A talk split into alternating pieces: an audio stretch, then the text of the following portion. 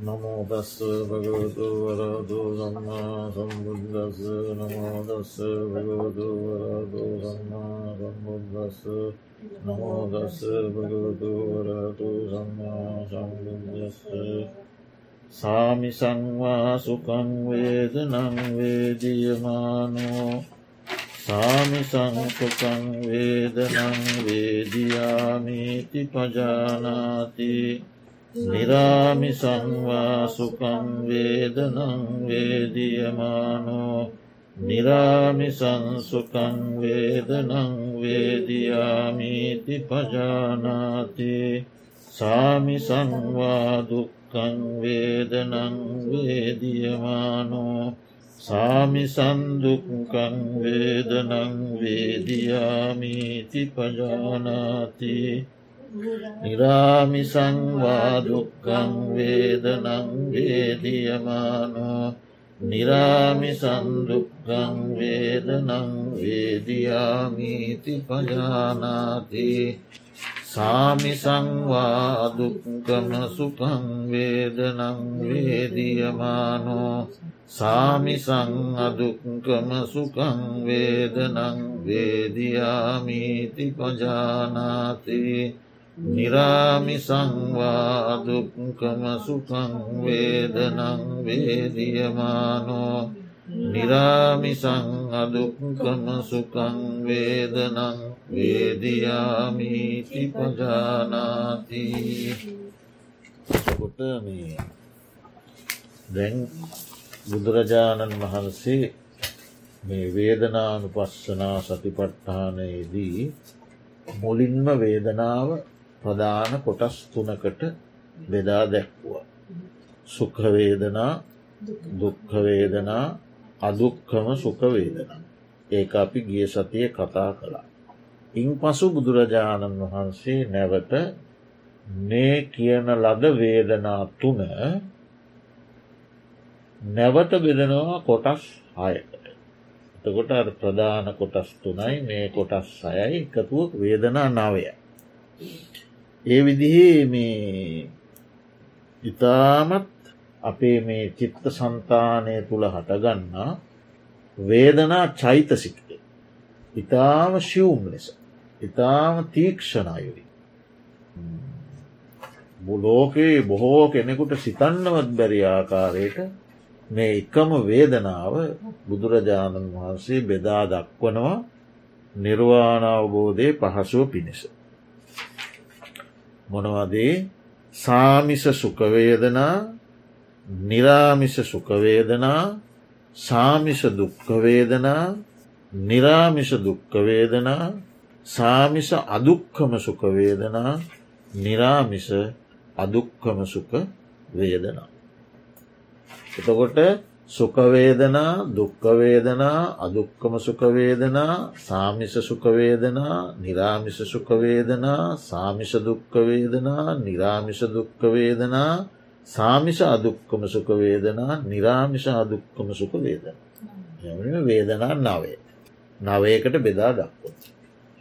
මෙතනදී අපි දෘෂ්ටිගත වෙන්න නරකයි වේදනා තියෙන්නේ එපමණය ඔයිට වඩා වේදනාවන් නැතය. වේදනා උපමනමය. එහෙම දෘෂ්ටිවලට එන්න හොඳ නෑ. සතිපට්නාන සූත්‍රයේදී වේදනා බෙදාදක් වූ ආකාරය. එතකොට සමහර තැන්වලදී බුදුරජාණන් වහන්සේ වේදනාව. දෙආකාරයෙන් දේශනා කළා. සමහර තැන්වලදි තුන් ආකාරයකින් දේශනා කළා. සමාර තැන්වලදී හය ආකාරයකින් දේශනා කළා. සමාර තැන්වලදී නවය ආකාරයකින් දේශනා කළා. දහට තිස්සය පනස් අතර එකසියට ආදී වසයෙන් එකසියට ආකාරයනුත් වේදනාව දේශනා කරලා තියෙන. සතිපට්ටාන සූත්‍රය නවාකාර.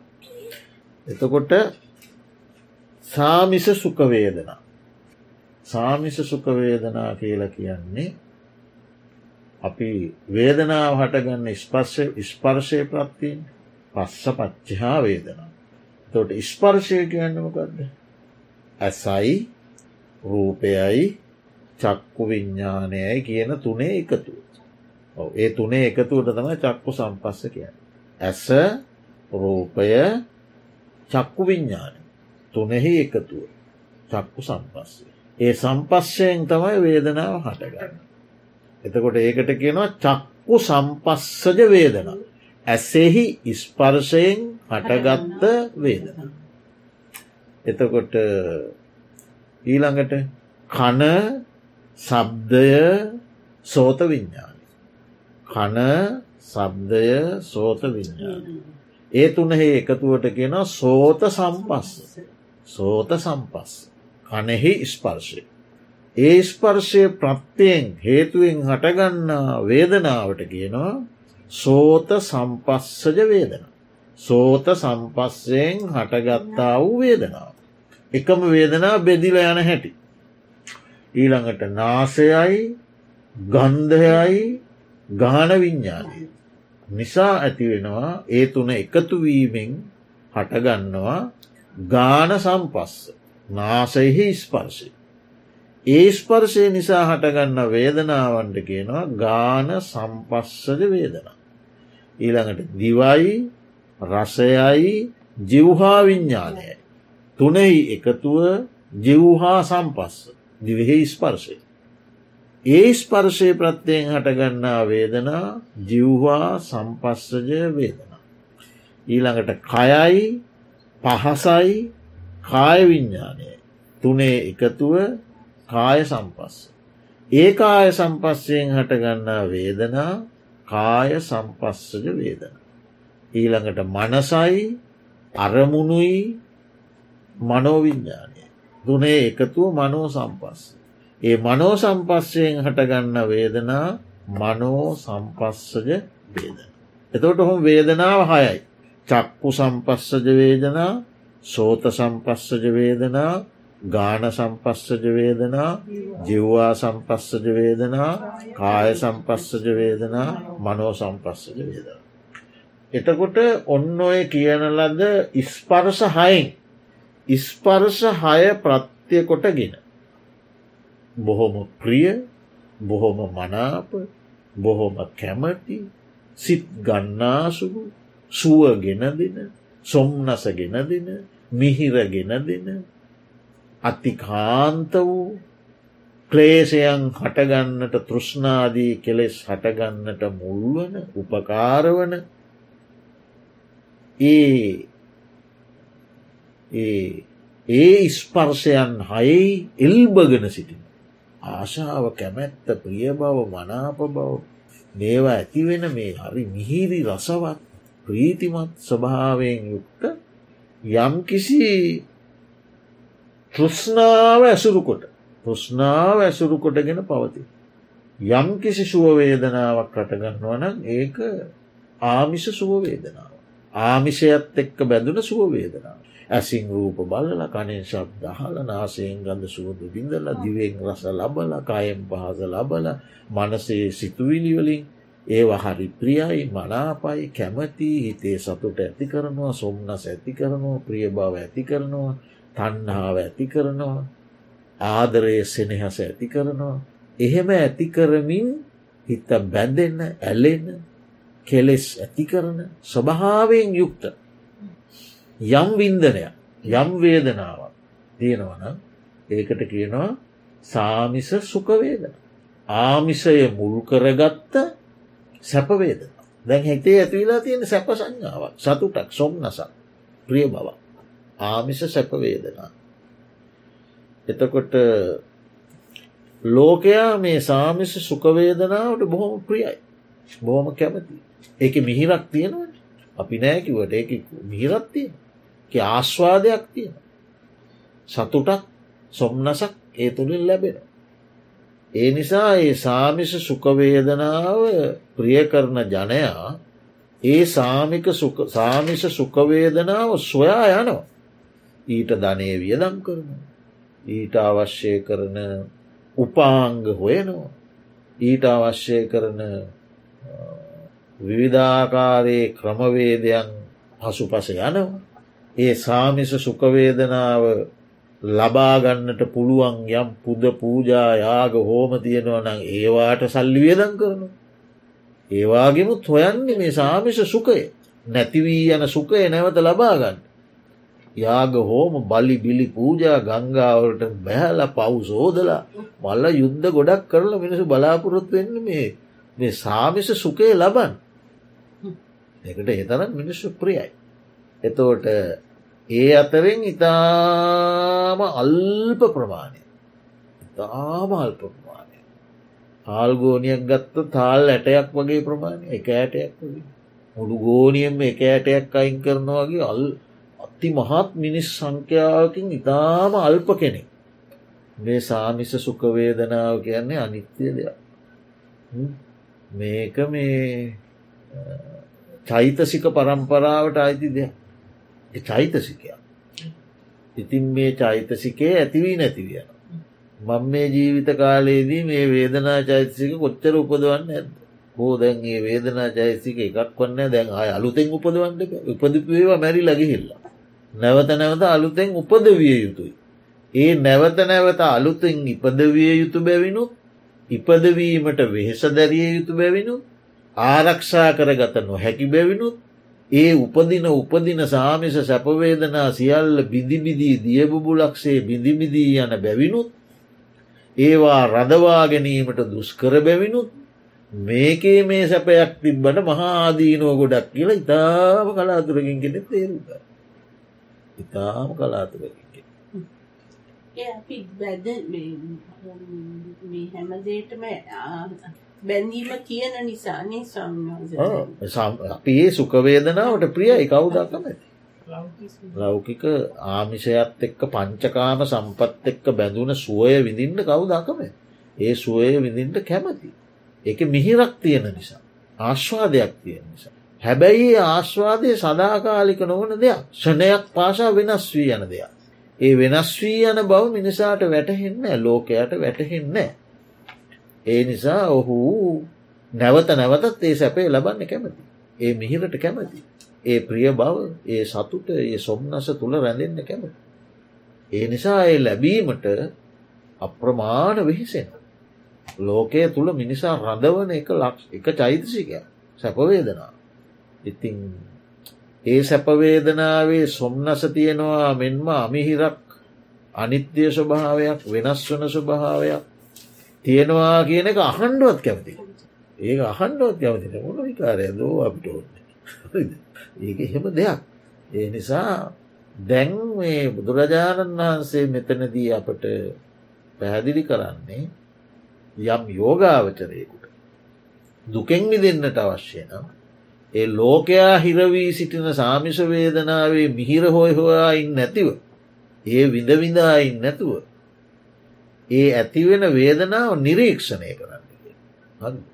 දැම්මට මේ වේදනාවක් ඇති වෙලා තියෙන මේ වේදනාව ඇති වුණේ චක්කු සම්පශ්‍ය ප්‍රත්්‍යයකොටගෙන ඇසෙහි ස්පර්ශය ඇසේ ස්පර්ශයෙන් හටගත්තා වූ මේ සැපවේදනාව ඉෂ්ටයි කාන්තයි මනාපයි ප්‍රියයි මිහිරි. මේ තුළින් ඇතිවෙන්නේ තන්හාදී ක්ලේෂය හැබැයි මේ වේදනාව මොහොතක් පාසා බිඳිබිදී යන දෙයක්. මේක පවතින දෙයක් නෙ විදිනවා අතහැරෙනවා විදිනවා අතහැරනවා විදිනවා අතහැරී යන දෙයක්. මේක පරම්පරාවක් චිත්ත පරම්පරාවක් වශයෙන් පැවතිලා නැතිවෙලා යන දෙයක්. කියලා ඒ ඒ සැපවේදනාව කියන එක අනිත්‍ය ස්වභාවය දකින්න කියන එකයි. බුදුහාදුර මේකින් පැහැදිලි කරන්න. එක දකිින් එතකොට මේ මේ සාමිස සැපවේදනාවට කියනවා ගෙහේසිත ප්‍රේමයක. ගෙහේසිත සෝමනස්සේ ගෙහේසිත සෝමනස්සේ කියල කියන්නේ සොම්නස කියන එක පදිංචි වෙන ගෘහයක් වගේ සොම්නස කියන එක පදිච්චි වෙන කාමරසය ඇසුරු කරන ඒ කාම රසයෙන් ලැබෙන සොම්නස පදිංචි කරලා තියෙන ගේ වගේ මේ සාමිස සැපවේදනා ඒකම නොහැ ගේකට ඇතුල් වෙලා ඇගේ ඇතුළ ඉන්න වගේකමයි හොය එතකොට මේ ඒ නිසා ඉතින් යෝගාවචරයා සතිපට්ටාන භාවනා කරන කෙනා සැපවේදනාවක් ලැබුණා මේ සැපවේදනාව විමසා අතහැල්ලදා කාතහල්ල අපි ඉරියව් වෙනස් කරන්නෙත් ඒ දුක් විහෙදනාවට අකමැති නිසා සැපවේදනාවට කැමති නිසා සැපවේදනාවට අපි කැමති දුකට අකමැති. එතෝට ඒක නිරීක්ෂණය කරලා අතහරින. ඒක මේ සැපවේදනාව හටගත්තේ ඔන්න දැන් ඇසෙහි ස්පර්ශය ප්‍රත්ති. ඒ හයෙන් එකකින්නේ එනත්තන් කනේ ස්පර්සි එන නාසේ එමනැත්තන් දිවේ එමනැත්තන් කයි ඒමනැත්තම් මනසේ. ස්පර්ශ ප්‍රත්තියෙන් හටගත්තාව මේ සැපවේදනාව අනිත්‍ය වූ දෙයක්. හේතුවකින් හටගත්තා වූ දෙයක්. ප්‍රත්තියෙන් සකස් කරන ලද දෙයක්. අනිත්‍ය දෙයක් සංකත දෙයක් වෙනස් වන දෙයක් විපරිනාමයට පත්වන දෙයක්. කියලා ඒ මොහොතේ ආ දකින්න. ඒ මෝතේ දකින මේ අනිත්‍යය දකින ඒ මොහොතේ දැකල එක අතහරින. උදයව්වේ ඥානයෙන් තම ඒකරිතින් හුවත් දකිින් දැකලා අතහරින. එතවට යායට නාය පමුණුවන්ට පුළුවන් අපච්චි මේ වගේ වේදනාවම් මේ ජීවිත කාලය කොච්චරනම් විදිින් දැද. දැම් මේ වේදනාව මේ විදිහට මේ වෙනස් වී යන වේදනා පරපුරත් දියබුබුලක්සේ මේ වෙනස් වී යෑමක් නේද අතීතයත් මේ තිබ්බේ. හැබැයි ඒක අතීතයමට පෙනුන්නේ. ඇයි පෙනුන් නැත්තේ අවිද්‍යා තෘෂ්ණාවලින් ම වැහිලා හිටිය. වැහිලා හිටපු නිසා මේ වෙනස් වීයාම එදාමන් දැක්කෙනෑ. එකට වැහිලා අන්ද වෙලා මංගේ වේදනාවේ ඇලිලා ගැල්ලිලා බැඳිලා හිටිය. නමුත් එදත් මේක වුණා. එදා වෙනස තියෙන එදා දැක්කෙන. අද මේ වෙනස මම දකිනවා. කියලා එතකොට එයා එක නාය පමුණුවල අතීතයක් බලන. ඔන්නන් එයට අනාගතය බලන්න. එහෙමන අනාගතය මං යම්තාක් ජීවත් වෙන්නේ දේ ජීවත් වෙන තාක්කල් මට සිද්ධ වෙන්නෙත් මේ වේදනා පරම්පරාවේ මේ අනිත්‍ය ස්වභාවේ තුළ ඉන්නයි කියන එක එයා අතීත අනාගත දෙකට නාය පමුණුවන්ටත් එයාට පුළුවන් එක දම්ම විචය දහම් විමසනොය විමසා බලනො එක අතායි දොට සාමිසය කියන්නේ සාමිස සැපේ ගැන්න එහෙමයි. නමුත් බුදුරජාණන් වහන්සේ දේශනා කරනවා මහනිනි මේ සාමිෂ සැපෙහි මිහිරක් දිය. නැත්තෙන මිහිරන් නැත්තම් මිනිසු ඇලෙනුවේ මිහිරත් තියෙන් නිසා තම ඇලෙන් හා දුක්ක හැට විදගෙන ඒකම නැවත නැවත ඔයන්නේ ඒක මිහිරත් තියෙන නිසා. බුදුහාදුර එක අවස්ථාවක දේශනා කලා මේ පුන්නක කියන පුන්නක කියන පරිබ්‍රාජටය බුදුරජාණන් වහන්සේ මානවකය බුදුරජාණන් වහන්සේ ගානෝ මේ මිනිස්සු දෙවියන් උදෙසා බොහෝ යාග කරන. දෙය ධර්මය දෙනවා දිය යුතු වස්තුූන් දෙන. මොකටද මේ මිනිසු යාග කරන්න මොනවා බලාපොරි මොනව ඇසුරු කරග. බුදුහාමුදුර දේශනා කරනවා මොවුන් මේ බොහෝ යාගයන් කරන්නේ ජාති ජරාදී දුකෙන් මිදේ. තින් ඔවුන්ගේ දුකට කැමති නෑ. මිනිසු කැමති නෑ දුකට. එනිසා දුකෙන් මිදෙන්ට යාග කරන. ඉතින් ඔහු නැවතහනවා ඉතින් භාග්‍යවතුන් වහන්ස මොවුන් මේ යාග කිරීමෙන්ගේ දුකෙන් මිදෙනවා. ඉතින් මොවුන් පාර්ථනා කරන්නේ රූපාදියන. රූපාදිය පාර්ථනා කරමින් නැවත නැවත පුනපුනා මේ කාමයම පාර්ථනා කරන මොවුන් යාග කිරීමෙන් කොහොමද දුකෙන් මිදේ මොවුන් පාර්ථනා කරන්නේ කාමය මොහොන් මොවුන් යාග කිරීමෙන් දුකින් දෙන්න. දවට බුදුහාමුරගෙන් හන එනම් මේ යාගකරුවූ යම් දවසක දුකෙන් මිදෙනවනගේ මිදෙන්නෙකෝ. ඒ මිදීම වෙන ක්‍රමය. ඉස්කන්දධාතු ආයතනයාදී වශයෙන් තමන්ගේ ආත්මයත් අනුන්ගේ ආත්මයක් දෙක විමර්ශනය කර. මගේ ආත්මයත් විමර්ශනය කරනම මම කියන්නේ කවුද. මම කියන්නේ කවුද කොතැනද කොසේද කොහොමද මේක මෙහේ වෙන්න කෙසේද කියල මේක ඉස්කන්ද ධාතු ආයතනාදී වශයෙන් බෙදා බලලා පරාත්මයත් එහෙම බෙදා බලලා ඒ ආයතන විදර්ශනාව තුළින් සත්‍ය අවබෝධය කරලා තමයි දුකින් දෙන යාගකරුවන්ට දුකින් දෙන්න බෑ. එවුම් ඒගොල්ලො යාග කරලා පාර්ථනා කරන්නේ වෙනත් දෙයක්න ඒ නිසා ඉතින් මේක තමයි ක්‍රමේ මේ වේදනාවේ සත්‍ය ස්වභාවේශය ඔයලා ඒ වේදනාව නිවැරදිව අවබෝධ කරගන්න. ඊළඟට නිරාමිස සුක වේදන. නිරාමිස සුකය ඒ කියන්නේ ප්‍රධාන වශයෙන් දිහාන තත්වේදී. සාමාන්‍ය වශයෙන් ගත්තොත් කුසල් සිතින් ගත්ත අරමුණු තියෙනවන අපි දන් දෙනකොට සිල් රකිනකොට භාවනා කරනකොට අපිතන කුසල් සිතා. ඒ කුසල් සිතෙන් තමයි අපි දැන් අරමුණ අරන්තිය.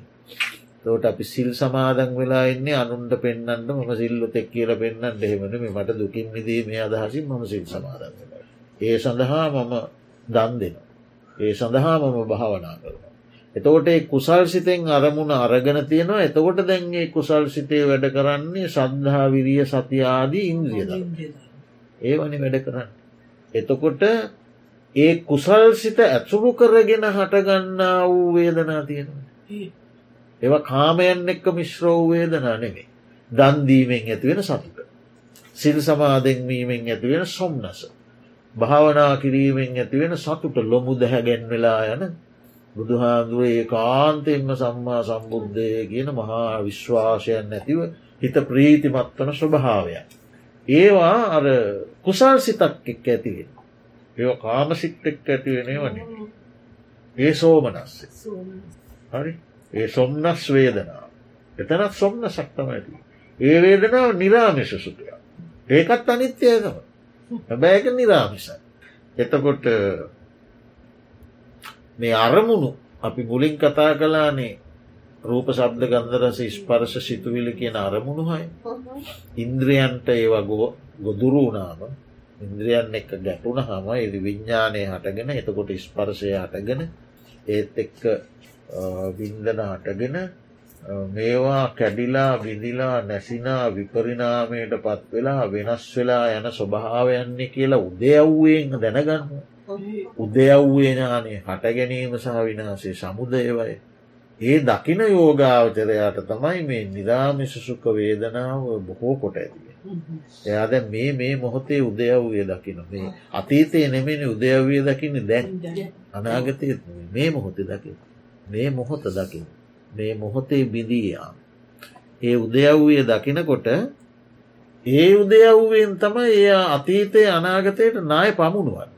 ඒ තුළින් තම අතීතය බලන්නේ. දැන් සිදුවෙන සිද්ධිය තම අතීතයත් එක්ක ගලපන්නේ. අනාගතයටත් ගලපන්.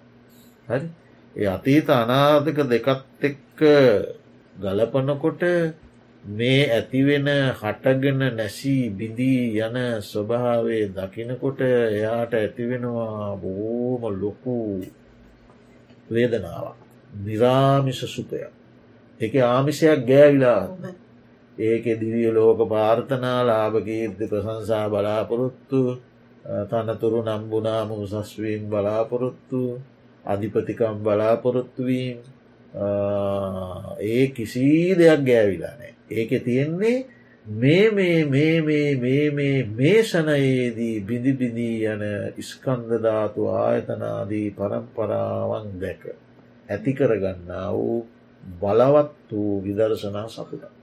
ඒක නිරාමිස. එතකොට ඒ නිරාමිස සතුට. අතීත අනාගත මේ ත්‍රයිකාලයටම ගලපා බලනවා ඒවෝ යෝගාවචරයා. එතකොට මේ නෙක්කම්ම නිසා මේක නෙක්කම් මේ නිසා ඇතිවෙන. කාමය නිසා නෙ. අර මුලින් කියපු සොම්න්නස සාමිෂය ඇතිවෙන කාමයක්ති. නිරාමිෂය ඇතිවෙන්න නෙක්කම්ය නික්මීම මිදීම කෙලෙස් යටපත්වීම නීවරණ යටපත්වීම එක්ක ඇතිවෙන්නේ. ඒ සෝමනස්සේ. ඒ නිසා ඒකට කියනවා නෙක්කම් මිස්සිත සෝමනස්ස කියලා අරකට කියනවා ගෙහේ සිත සෝමනස්. සාමිස සැපේට කියනවා ගෙහේ සිත සෝමනස්. මේ සෝමනස්සයට කියනවා නෙක්කම් මිස්සිත සෝමනස්. නෙක්කම්ම ඇසුරුකට ගත්ත සෝමනස්. එතකොට දැන් ඔන්න අපි වේදනා දෙකක් කතා කළ. සාමිස සෝමනස්සේ සුකය නිරාමිස සුකය වේදනා දෙකයි. මේ වේදනා දෙකම චෛතසික. මේ වේදනා අයිතියන්නේ චෛතසිකවලට. සිතේ හටගන්න ගතිය. ඒ ගතිය කියන එක මේ මෝතෙන් නැතිවෙලා ගතියට එල්ල එන්නේ ගති පරම්පරාවකට අපි බැඳිල නින්නේ. ඒක වේදනා පරම්පරාවක් වේදනා පරම්පරාවක් කියල පේන්නේ විදර්ශනාව. අපිට පේන්නේ වේදනාවක් එක වේදනාවක්. සැපත් වේදනා පරම්පරාව දුකක් වේදනා පරම්පරාවක ඒක විදර්ශනාවෙන් තමයි දකින්න. මේ වේදනාව ඇතිව නැතුව ඇතිව නැතුව ඇතිව නැතුව. ඥානය උදයව්වේ ඥානයෙන් තම ඒක දකින්න. එතෙක් අපි දකින්න මේක වේදනාව ගෙඩියක් විදිහට ඒම නැ සමූහයක් විදිහට අපි දකින්න. එකතුවක් විදිහට. ඕලාරිකෝ අපි දකින්න. සිවුම්ම දකින්න. ඕලාරිකෝනය අපි දකින්න. එනිසා වේදනාවට බැඳෙනවා. විදර්ශනාවෙන් උදයව්වේ ඥානයෙන් මේක සිවුම් නුවනින් මේක දකි නො මේ මේ මේ මේ මේ මේ නොවතු විදිබිදී යන ස්වභාවය. එතකොට ඔය වේදනා දෙකම චෛතසික. එතට චෛතසිකයක් කියලා දකින්න විදර්ශනාව. එතකොට මේ වේදනා දෙකම අයිති වෙන්නේ පංචුපාදානස්කන්දය වේදනා ස්කන්දයට. එතකොට වේදනා ස්කන්දය කියන එක මේක චෛතසිකයක් නම්. මේ වේදනා දෙකමත් සෙසු සියලු ඉදිරියේ දිගෙන ගන්න වේදනත් එහෙම තමයි. මේ වේදනා සියල්ලම චෛතසිකයක් නම්. මේ වේදනා සියල්ලා අයිති වෙන්නේ වේදනා ස්කන්දයට නම්.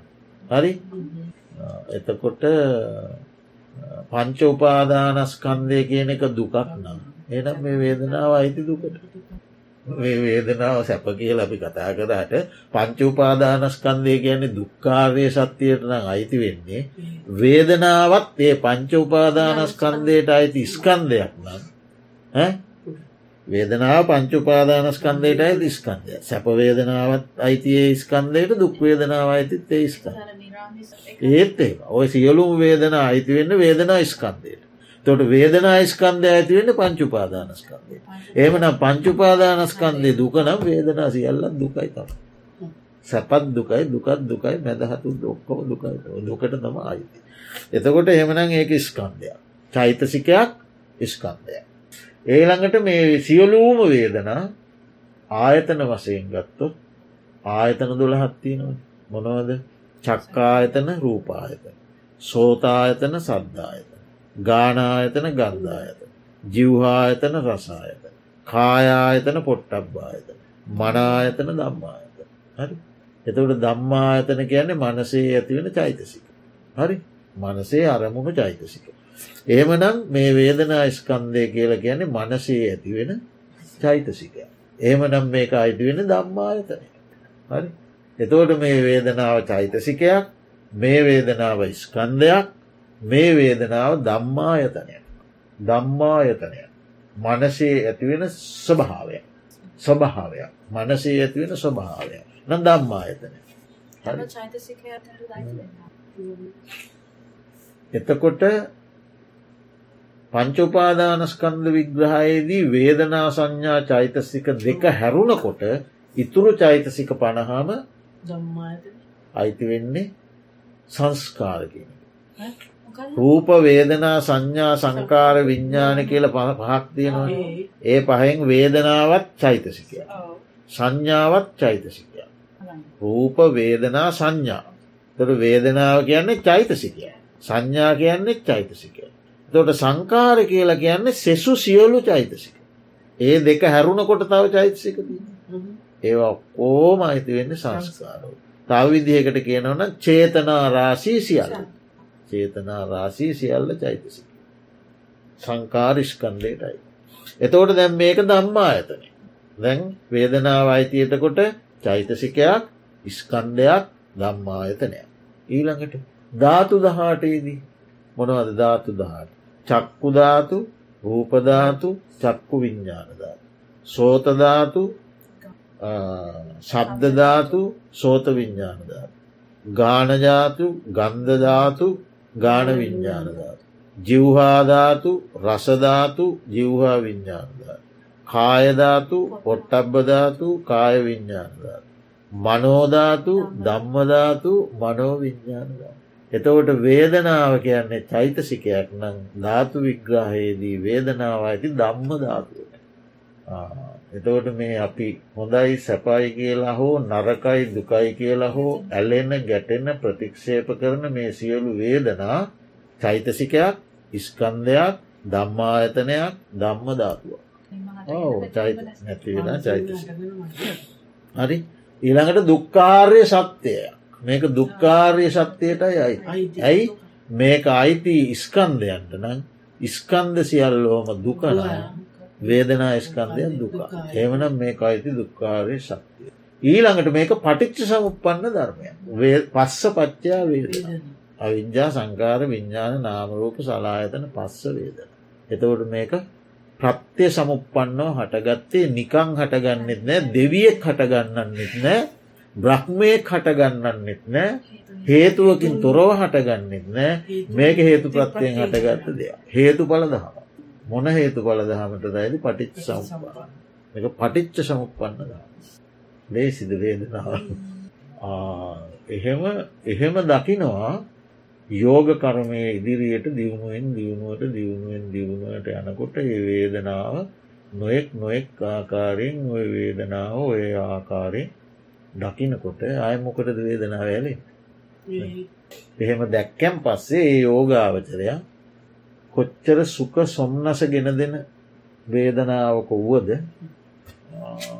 ඇලෙන්නේ නැතිව ඉන්න අපිටත් ඒ තත්ත්වය ඒක තමයි ලබාගන්ට වහන්සි වන්ද වෙන්න ඕනේ. එහෙම ලබාගත්ත උතුමෝ මම අනිත්‍රටවල් ගෙන ඉතින් දන්න ලංකාව තාමති ඔය කවුරු ඕවා ප්‍රතික්ෂේප කරන්න ඕවා වෙනස් කරන්න හැදුව. අදටත් ලංකාවේ මහා වනහන්තරවල සියලූම සැප සම්පත් අතහැරල ගිහිල්ලා මේ මේ බටහිර රටවල්වල මහා කාම සම්පත් විඳපු මහා මිනිස්සු මේ වගේ රටවල් කොච්චර ගාම සම්පත් විින්දැකි මේ හැම්ම පැත්තෙන් ඒ සියල්ල අතහැරල්ලාල ගිහිල්ල මහා වනාන්තරයකට වෙලා පිණ්ඩ පාතය ගිල්ලා අර මැසි මදුරුවන් සහිත මහවනාන්තරේ අර පිණ්ඩ පාදයක් කරගෙන ඇවිල්ල ඒ ලැබෙන ඒ ලැබුණ ලැබුණ දෙයක් වලඳලා ඔය ඉන්න උන්වහන්සේලා ඉන්නේ නිරාමිෂ සුකවේදනා උන්වහන්සේලා අත්දැකලහින්න වේදනාවේ අනිත්‍යය ස්වභාවය හඳුනාගෙන ඒවා හැර දමා ඉන්න එතෝට ඔය විදිහට අපි බලන්ඩෝට ඊළඟට දැන් අපිට පුළුවන් තවත් අප එකක් සාකච්ඡා කර සාමිෂ ඔන්න ඊළඟ බෙදීම සාමිෂ දුක්හ වේදන. සාමිෂ දුක්හ වේදන. ඒ කොහොම අනිෂ්ටයි අපි කැමතිනෑ අමනාපයි ප්‍රියනෑ මිහිරිනෑ සොම්නසක් නෑ සතුටක් උපදවන්නේ නෑ. එවැනි අරමුහු තියෙන රූප ශබ්ද ගන්ධ රස ස්පර්ශ සිතුවයි. එතෝට ආං ස්පර්ශනය දෝට චක් ඇසට රූපේ අර මුලින් කියපු ස්පර්ශහය ඇස්සෙහි ස්පර්ශය කනෙහි ස්පර්ශය නාසේ ස්පර්ශය දිවේ ස්පර්ශය කහේ ස්පර්ශය මනසේ ස්පර්ශය ප්‍රත්යකොට ගෙන ඒ විදිහ අනිෂ්ට අකාන්ත අමනාප අමිහිරි දුක්කදායක වේදනාව හටගන්න. ආමිෂය මුල් කරගෙන. දුක්කදායක වේදනාව හටගන්න. එතකොට විශේෂයෙන් පංචකාමයන් අරමුණු කරගත්. පංචකාමයන් එක්ක බැඳුම. ඒ පංචකාමයන් සොයන ගවේශණය කරන පර්යේෂණය කරන ඒවා ලබන්ට උත්සාහ කරන වෙහෙසෙන දගලන තැලෙන්න පොඩිවෙන සැලෙන මිනිසුන්ගේ සිත්වල. ඒවා සොයමින් යන ගමනේදී අනිෂ්ට අකාන්ත අමනාප අමිහිරි වේදනාරගන්න. ඒවා සාමිෂය නිසා ඇතිවෙන දුක්වේද. සාමිෂ දුක්හේදනා. එයින් සිත නරක් වෙනවා සිතේ පසු තැවිල් ඇතිවෙනවා සිතේ විඩාව ඇතිවෙනවා සිතේ ලැබීම නිසා ලැබුණ දේ නැතිවීයාම නිසා. එතකොට පසු තැවිල්ල ඇතිවෙනවා වෙහෙස ඇතිවෙනවා පිපාසය ඇතිවෙනවා දාහය ඇතිවෙනවා ඉන්න තැන එපාවෙනවා ජීවිතය පාවෙනවා ජීවිතය හානි කරගණ්ඩේ දෙනවා කොච්චර දේවල් වෙනවා ගගේ පැල්ල මැරෙන්ඩේ දෙනවා ඉන්න තැන් අතහැරල යන්ඩේ දෙනවා ගැටෙනවා සැලෙනවා හැප්පෙනවා වාද කරනවා චන්්ඩ ස්වරූපයට පත්වෙන දුක්ඛ වේදනා. ආමිෂ දුක සාමිෂ දුක්ඛ වේදනා. එතකොට ඒවා ඇතිවෙන්න පුළුවන්. අතීතයේ නොලැබුණ දේවල් මතක් වෙනකොටත් ඇතිවෙන අතීතය ඇසුරු කරගෙන. හරි? වර්තමානය නොලැබෙන දේවල් අතීතය නොලැබුණ වර්තමානය නොලැබෙන දේවල් නිසා ඒවා මෙනෙහි වෙනකොට මනෝමය වශයෙන් ඒ දුක එන්න පුළුවන්. මට ලැබෙන්ඩ තිබ්බ දෙයක් මේ අතීතය නොලැබීගී එතකොට ඒක ලබා නුදුන්න මනුෂ්‍යයාගෙන ලබා ගණ්ඩ බාධා කරපු මනුෂ්‍යයාගෙන දුක් වේදනා පරම්පරා. දුක් වේදනා හැම ඇතියෙන දැන් නොලැබෙන දේගෙන දැන් ලබාගණ්ඩ මේ දැල් ලබාගණ්ඩ තියෙන දේට බාධා කරන මිනිස්සුගෙන. එහෙම ඇතිව එක එක්කනාට එක ඒක ස්වරූපයෙන් විවිධ මට්ටම අපේ බලාපොරොත්තුවල ස්වභාවයන් කෙනෙක් රජකම බලාපොරොත්තියන කෙනෙක් එදිනිදා කෑම වේලක් බලාපොරොත්තුවෙන ඒ කෑම වේලුණු ලැබී යාමෙන් කෙනෙකුට වේදනා ඇතිවෙන්න පුළුවන් කෙනෙකුට රජකමනු ලැබීමෙන් ඇතිවෙන්න පුළුව දෙකම එකයි. ජනාධිපති වේදනා බඩගිනි වේදන මේක බඩගින්න නිසා කාම වේලක් හොයාගන්න බැරි වේදනාව අතන ජනාධිපතිකම ලබෙන්ඩ ලබාගණ්ඩ බැරික මේ වේදනාව. වේදනා විවිධාකාරී ඒ දුක්ඛ වේදනාවන් ඇතිවෙන එතකොට ඒ ආමිෂය මුල් කොට ගත්ත ඒ දුක්වේදනාවත් චෛතසික පරම්පරාව. ඒකත් ස්කන්දය වේදනා ස්කන්දය වේදනා ස්කන්දයට අයිති. ඒකත් දම්මා එතන. ඒකත් දම්මධාතුව. එයත් දුක්කාරය සත්‍යය. එයත් පටිච්ච සමුපන්න ධර්ජ. කියලා ඒ විදිහට ඒ දුක්ඛවේදනාව කියන එක. ඒ ඒ මොහොතේ තමා තුළ සාමිෂ දුකක් ඇති වුණානම් ඒ සාමිෂ දුකත් දකින. මේ දැම් මේ තියෙන්නේ දුක්වේදනා. දකිනො දැම් මේ හටගත්ත දුක්වේදනා. මේ දුක්වේදනා මේ ආමිෂය ප්‍රත්්‍යය කොටගෙන ඔන්න ඔන්න රූපය ප්‍රත්්‍යය කොටගෙන හටගත්ත ඔන්න වේදනාවයි මෙතන ප්‍රත්්‍යය වෙලා තියෙන නෑ එත මෙතන ශබ්දය ප්‍රත්්‍යය වෙලා මෙතන ගන්ධය ප්‍රත්්‍යය වෙලා මෙතන රසය හේතු කොටගෙන මෙතන ස්පර්ශය හේතු කොටගෙන එතන මනසිං ගත් අරමුණක් හේතු කොටගෙනයි මේ දුක්වේදනා මට ඇතිවුණේ ඔන්න එයා දකින. මේක පංචකාම නිශ්‍රිත දුක්වේදනා දැකලා ඒ වේදනාව විශේෂයෙන් විදර්ශනාවෙන් ඒ වේදනාව ස්වභාවේ දකින ඒක අනිත්‍යතාවේ දකිනවා. එක උදේවය දකිනවා. එතවට ඒ වේදනාව රැඳී සිටින් නෑය ඒක විදර්ශනා කරලා එක අතහැරලදා. ඉතිං ඊළඟට ඒක ඒක තීක්ෂණයි විදර්ශනාවේදී දැකීම තිවුණුයි තිවුණුයි සමහර වෙලාවට එක එක්කනාගේ තීක්ෂණත්වයත් වෙනස්කන්දී. ඒ එක එක යෝගාවචරය දකින තිවුණු බව කෙනෙක් දකින තිවුණු බවට වඩා තව කෙනෙක් දකින තිවුණු බව බලවත්වට. තව කෙනෙක් දකිට පුළුවන් මේ හටගෙන නැසී යන සිත් පරම්පරාව. මේක පරම්පරාවේ සිත් අපිට අහුවෙන්න එකයි දෙක සමහරේව අපිට අහුවෙන්නම නැතු නැස. දකිින් නැතු. ඒම එක එක්කන එක විදිහට දකින්න පුළුව. ඉතින් ඒ විදිහට සාමිෂ දුක්ක වේදනා. ඊළඟට සාමිස සුක නිරාමිස සුක සාමිෂ දුක්ක නිරාමිස දුක්ක වේදනා නිරාමිෂ දුක්ක වේදන.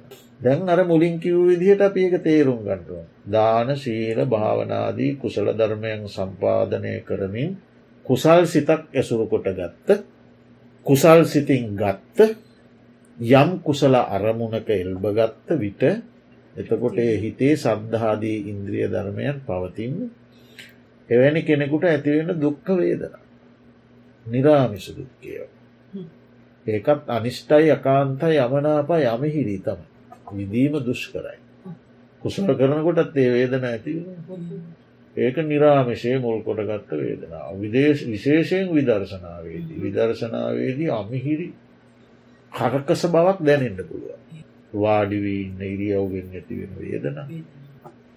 එතකොට හිතේ සොම්නස නොයදී තිබෙන බව.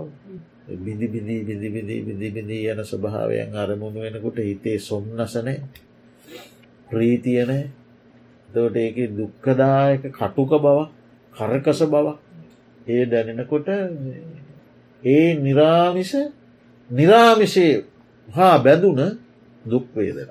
සමහර අවස්ථාවල දිතින් ඒ වෙලාවට ගැඹුරු සිත තදින්ම කටුක බවටම බැසගන්නවන කර්කස බවටම හිත බැසගන්නවන ඒ විදර්ශනාවක් කරලා බුද්ධාදී උදාර ගැඹුරු බුදුගුණයක්කාරය මෙනෙහි කරලා හිත සොම්නස් කරගත්තට වරදක් නෑ. බුදුහාන්දුරු දේශනා කරන්නේ සිත සොම්නස් කළ යුතුවලා සොම්නස් කර.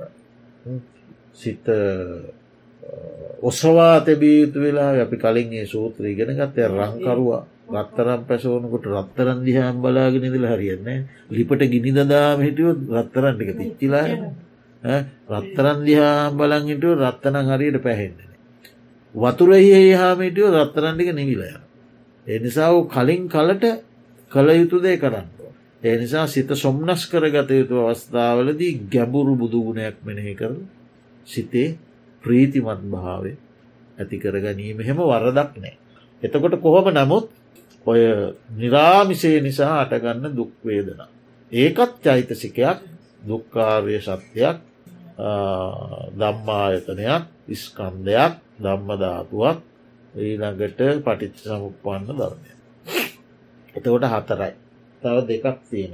උපේක්කා සහගත.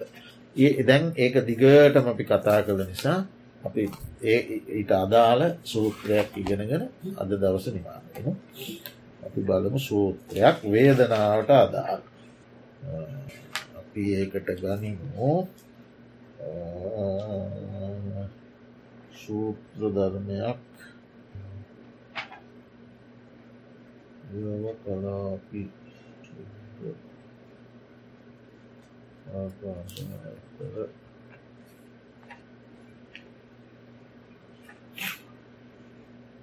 සමෙන්න රහෝගත සූත්‍රය. හරි. එකල්ලි එක්තරා මහනෙක් භාග්‍යවතුන් වහන්සේ වෙත එළබියේ එකත් පස්වහුන්නේ මාන භාග්‍යවතුන් වහන්සේට මෙය සැලකවිය වහන්ස මෙහි එකලා වූ විවේකයෙන් යුත් මට මෙබඳු චිත්ත විතරකයක් පහලවී මට හිතේ විටොරකයක් ආව හුද කලාවන්න වේදනා තුනක් භාග්‍යවතුන් වහන්සේ විසින් වදාරනු ලද. සුවවේදනාව දුක්වේදනාව මැදහත් වේදනාව. මේ වේදනාතුන භාග්‍යවතුන් වහන්සේ විසින් වදාරන ලදී. යම්කිසි වේදනාවක් වේනම් මේ දුකයයිද භාග්‍යවතුන් වහන්සේ වදාරන ලදී. යම්කිසි වේදනාවක් වේ නම් ඒ දුකයයි යන මෙය කුමක් සඳහා භාග්‍යවතුන් වහන්සේ වදාරන ලද දැයි. ඔන්න එයාට ඇතිවුණු විතර්කි. වේදනා තුනක් බුදුහාන්දුරෝ දේශනා කළා ඒ වේදනා තුනම දුකයි කියලත් දේශනා කළා කුමක් නිසාද මේ වේදනා තුනම දුකක් යැයි දේශනා කළේ කියන එක මට ප්‍රශ්නයක්. බැනව මැනව මහන මේ වේදනා තුනක් ම විසින් දේශන ලදී. සුවවේදනා දුක්වේදනා මැදහත් වේදනයි. මේ වේදනා තුන මා විසින් දේශනා කරන ලදී. මහනෙන යම්කිසි වේදනාවක් වේනම් ඒ දුකයයිද මා විසින් දේශනා කරන ලදී. මහන්නේ යම්කිසි වේදනාවක් වේනම් ඒ දුකයයි ඒ මේ මා විසින් සංස්කාරයන්ගේම අනිස බව සඳහා දෙසන ලදී. සැමවේදනාවක්ම දුක්කැයිමා දේශනා කරේ සංස්කාරයන්ගේ අනිත්‍ය බව නිසා. ඒකයි හේතු. මහන්නේ යම්කිසි වේදනාවක් වේනම් ඒ මෙය මා විසින් සංස්කාරයන්ගේම ශය ස්වභාවය සඳහා දේශනා කරන ලද. සංස්කාරයන් අනිත්‍යය දෙයක් ශයවීශය වී යන දෙයක්. ඒ ශය ස්වභාවය නිසා දේශනා කරන ලදී. මහන යම් කිසි වේදනාවක් වේ නම් මේ දුකයයි ඒ මේ මා විසින් සංස්කාරයන්ගේ වය ස්වභාවේ වැෑවී යන ස්වභාව. දොට අනිත්‍යයයි ශ්‍රය වෙලා යනෝ වැෑ වෙලා යන. වැෑ ස්වභාවය සඳහා දෙසන ලදී. සංස්කාරයන්ගේම විරාග ස්වභාවය සඳහා දෙසන සත්ලදී.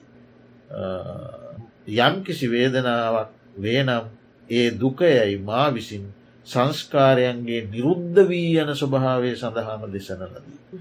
විපරිනාම ස්වභාවය සඳහාම දෙසන ලදී. විපරිනාමේ වෙන පෙරලී යන වෙනත් වෙනත් ස්වභාවකට පෙරලීය. ඒ නිසාම ලදී. එක ඉතනින් එහාට තියෙන එක බෝම වේ. අරූපාවචර සමාධි පැත්තට යන එකක්. ඒක දැනට අවශ්‍ය නෑ. එතකොට අපි ඔන්න එතනින් තේරුම් ගණ්ඩෝන බුදුහාමුදුරුව සැපවේදනාවත් දුකට අයතුලත් සැපවේදනාවක් තියෙනවා.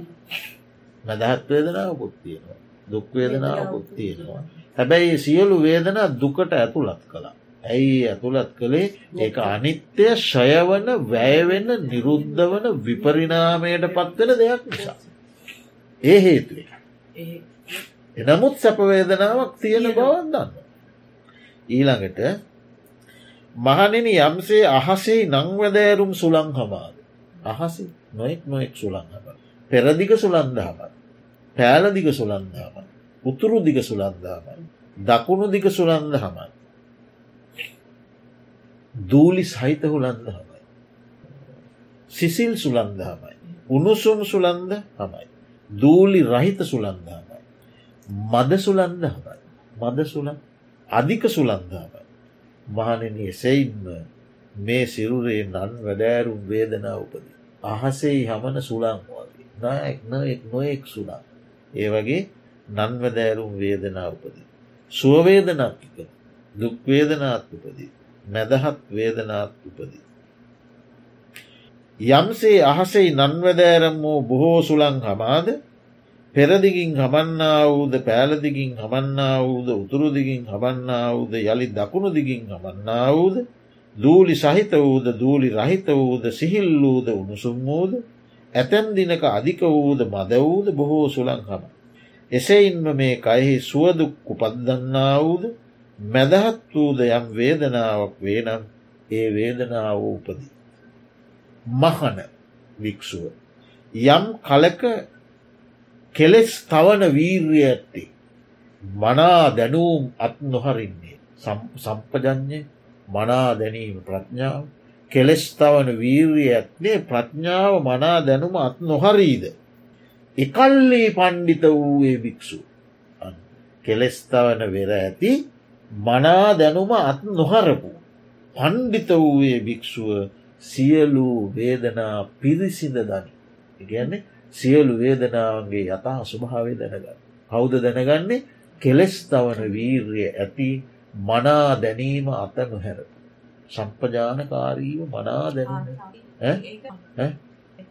ආතාපී සම්පජාන ඒ භික්‍ෂු සියලු වේදනා පිරිසිඳ දැන. හේ වේදනා පිරිසිඳ දැන දිටු දැමියෙහි ඒගැන්නේ මේ ජීවිතේ මේ ආත්ම භාවය දිට්ට දම්මික මේ ජීවිතයේදී කෙලෙස් රහිත වූයේ කෙලෙසුන්ගෙන් මිදුන වේදනාව දැනගෙන වේදනාව තමයි හව් අරමුණු කරගත් වේදනා සියල්ලේ ස්වභාවය දැනගත්. දැනගෙන මේ ජීවිතයේදීම කෙලෙස් රහිත වූයේ. දහම්මිහි පිහිටි ධර්මය ස්ථාවරෝ පිහිටිය. විශාරදයි අය කාටවන් හොල්ලන්න බෑ දහම්මි පිහිටිය නිවනට පැමිණි. කාබුම් මරණින් මතු කාබුන් කියන්නේ කය බිඳිලාගෙන. කය බිඳී මරණයට පත්වෙනවා. කාබුන් කියන එක. කයබිදී මරණයට පත්වීමෙන් පස්සේ සත්ව කියන සංඛ්‍යාවට නොපැමිණියේ වේ.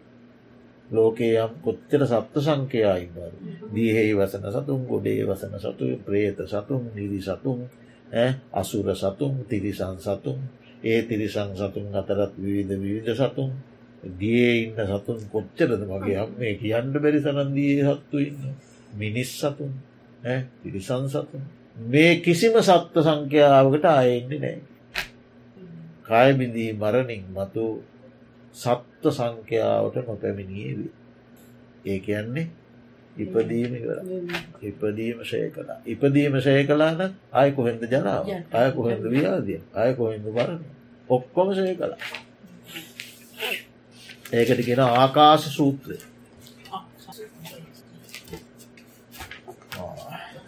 ఆకాశట్టాదిగుమ్మట్టా దేవానాగోమయుద్ధికా పుణ్యంతన్మూరికాశిరం రక్తందురాసనంగాటా సర్దాదిగుమ్మట్టా దేవానాగోమయుద్ధికా పుణ్యంతన్మూరికాశిరం రక్తందుదేశనం ఆకాశట్టాదిగుమ్మట్టా దేవానాగోమయుద్ధికా పుణ్యంతన్మూరికాశిరం రక్తందుమంపరంతి इदं मे जातीनं नोतु सुखितान्दुजातयो इदं मे जातीनं नोतु सुखितान्दुजातयो इदं मे जातीनं नोतु सुखितान्दुजातयो